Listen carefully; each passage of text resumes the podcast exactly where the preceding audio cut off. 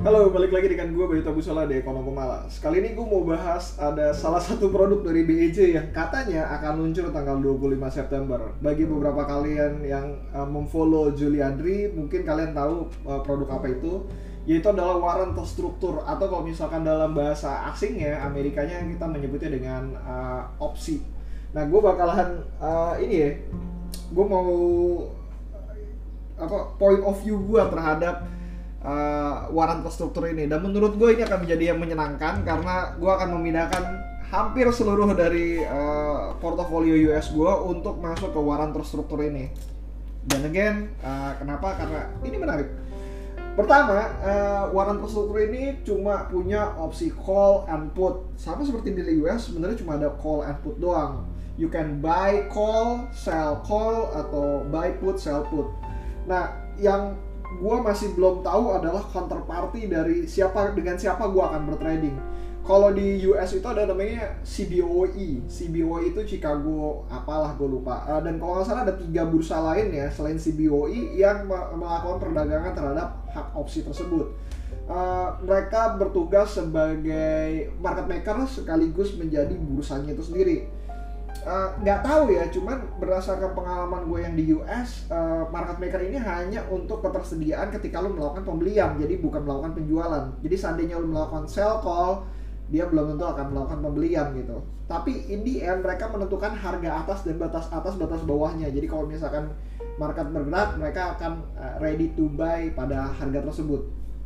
Uh, bagaimana metode perhitungannya? Kalian search sendiri yang namanya uh, apa ya oh, ini Black Souls formula yang which is menurut gua dari formula Black Souls ini terdapat yang namanya uh, apa ya uh, sebuah hal yang bisa dieksploitasi lah terdapat sebuah kelemahan ya susah banget ngomongnya Uh, kelemahan tersebut diakibatkan karena formula ini formula ini beranggapan bahwa market tidak akan berubah selamanya. Jadi waktu pas penentuan harga market uh, selama uh, opsi tersebut dipegang ataupun ketika masa berlaku itu tidak ada perubahan dalam sisi market dan itulah menyebabkan kelemahan uh, kelemahan dari sisi opsi market uh, menggunakan formula black holes ini. Uh, ada formula lain tapi kebanyakan menggunakan formula black holes. Uh, in the end kita akan lihat bagaimana di Indonesia akan bergerak dan karena yang mengadakan bursa tentu saja nggak akan semua pasar saham di Indonesia nggak akan semua saham di Indonesia akan punya opsinya tapi ada beberapa saham di Indonesia yang akan benar-benar memiliki opsi uh, yaitu adalah IDX 30 jadi konstituennya adalah IDX 30 menurut gua karena masalah likuiditas dan lain sebagainya tapi kita akan lihat lagi. Problemnya adalah uh, seliquid-liquidnya primary market atau pasar saham itu sendiri pasar opsi itu benar-benar nggak liquid. Karena uh, gua ngeliatnya gini ya kalau misalkan lu ngecek di Yahoo misalkan uh, Apple Options Market nah itu kalian bisa ngeliat ada sebegitu banyak uh, listnya untuk Apple saja dengan masa berlaku yang berbeda dengan strike price yang berbeda uh, apalagi eh cuma dua itu aja strike price dan masa berlaku yang berbeda. Dan itu kan kayak uh, dua kali dua tab, tabel dua kali dua dan itu kan besar sekali. Kalian bisa bayangin tabel dua kali dua itu empat dimensi tabelnya berarti. Bukan tiga lagi tapi empat dimensi. Dan itu ada put dan call. Jadi kalau misalnya kalian buy sebelah kirinya biasanya adalah eh sorry kalau misalkan call sebelah kiri biasanya adalah buy sebelah kanan adalah uh, adalah sell kalau put sebelah kanannya adalah uh, sama juga uh, dan itu kalian bisa ngelihat uh, kedua-duanya lah. Apa gue salah ya? Salah kayaknya. Ya ya kebalik lah. Maksud gue yang sebelah kirinya call sebelah kanannya put kalian bisa buy di sebelah kiri uh, sebelah kiri buy atau sell call. Di sebelah kanan kalian bisa buy atau sell put. Sorry banget. Uh, gue malas ngedit lagi jadi ya udahlah kita masukin aja uh, in the end uh, dengan sebegitu banyak market gue masih belum tahu approach dari Bank Indonesia eh Bank Indonesia eh, IDX atau bursa itu akan melakukan likuiditasnya seperti apa. Karena dia bilang ini dia bilang ya opsi market ini akan berlaku dari seminggu singkat gue sampai dua tahun. Yang di mana dua tahun itu akan menjadi sweet spot gue untuk melakukan trading di opsi market ini kenapa ya? Karena gue belajar dari US gue udah dua tahun belajar dari US gue ngerasa market di sana uh, totally menarik tapi gue nggak ngerasa kayak karena gue nggak punya apa ya gue nggak punya uh, pemahaman yang lebih terhadap uh, market di sana menyebabkan gue uh, fluktuasi gue terhadap keuntungan itu benar-benar sunyak keras banget. Sedangkan kalau misalnya gue pindahin dari US ke Indonesia di mana gue uh, paham dengan marketnya lebih paham dengan market Indonesia itu yang pertama yang kedua gue lebih paham terhadap perusahaannya dan gue benar-benar bisa menemukan perusahaan yang murah di Indonesia dengan cepat dan baik akan jauh lebih baik kalau misalnya gue pindahkan uh, tanda kutip judi online gue yang dari US pindah ke Indonesia untuk uh, dilipat gandakan di Indonesia.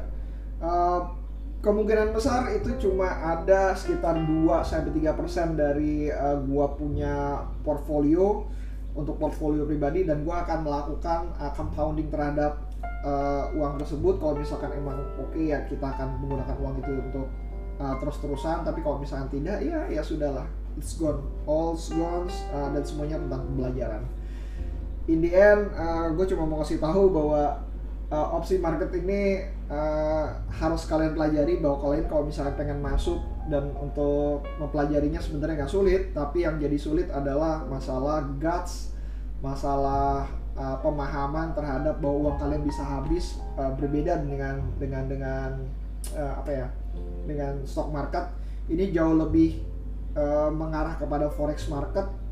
Dan ketika kalau misalkan forex market itu bisa menghabiskan uang kalian opsi market ini bisa lebih cepat lagi menghabiskan uang kalian in the end uh, ini mengenai risk and reward. Kalau misalkan kalian uh, setuju dengan uh, opsi market ini gue seneng-seneng aja dengan opsi market ini. Karena uh, kalaupun marketnya nggak tanking uh, gue bisa sell put di mana gue bisa mendapatkan premium di uh, uh, premium di antaranya dengan saham gue yang bisa uh, tetap naik ataupun stagnan. Atau kalau misalkan gue yakin bahwa perusahaan tersebut akan naik gue bisa buy call in the end kalau misalnya ini masuk Indonesia akan banyak pembahasan seperti ini di uh, podcast gue kalau misalkan enggak uh, ya so be it lah gue pengen benar-benar menunggu apa yang akan dilakukan BI, BEJ uh, terhadap opsi market ini karena gue benar-benar menunggu untuk melipat gandakan uang gue di sini. So bagaimana tentang pendapat kalian tentang opsi market ini? Kalau misalnya ada pertanyaan bisa masuk ke Instagram gue @bayutabusola atau lo email aja ke bayutabusola@gmail.com. Anyway, gue sekarang ada di Noise, gue ada di Spotify dan kawan-kawannya dan terakhir gue ada di stockpick.id, S T O C K uh, p i e k titik id slash bayu kalian kalau misalnya lihat portfolio gue uh, dan sementara karena sistemnya belum update uh, belum ada kepemilikan tapi uh, minimal kalian tahu saham apa aja yang gue pegang sekarang. See you next time. Bye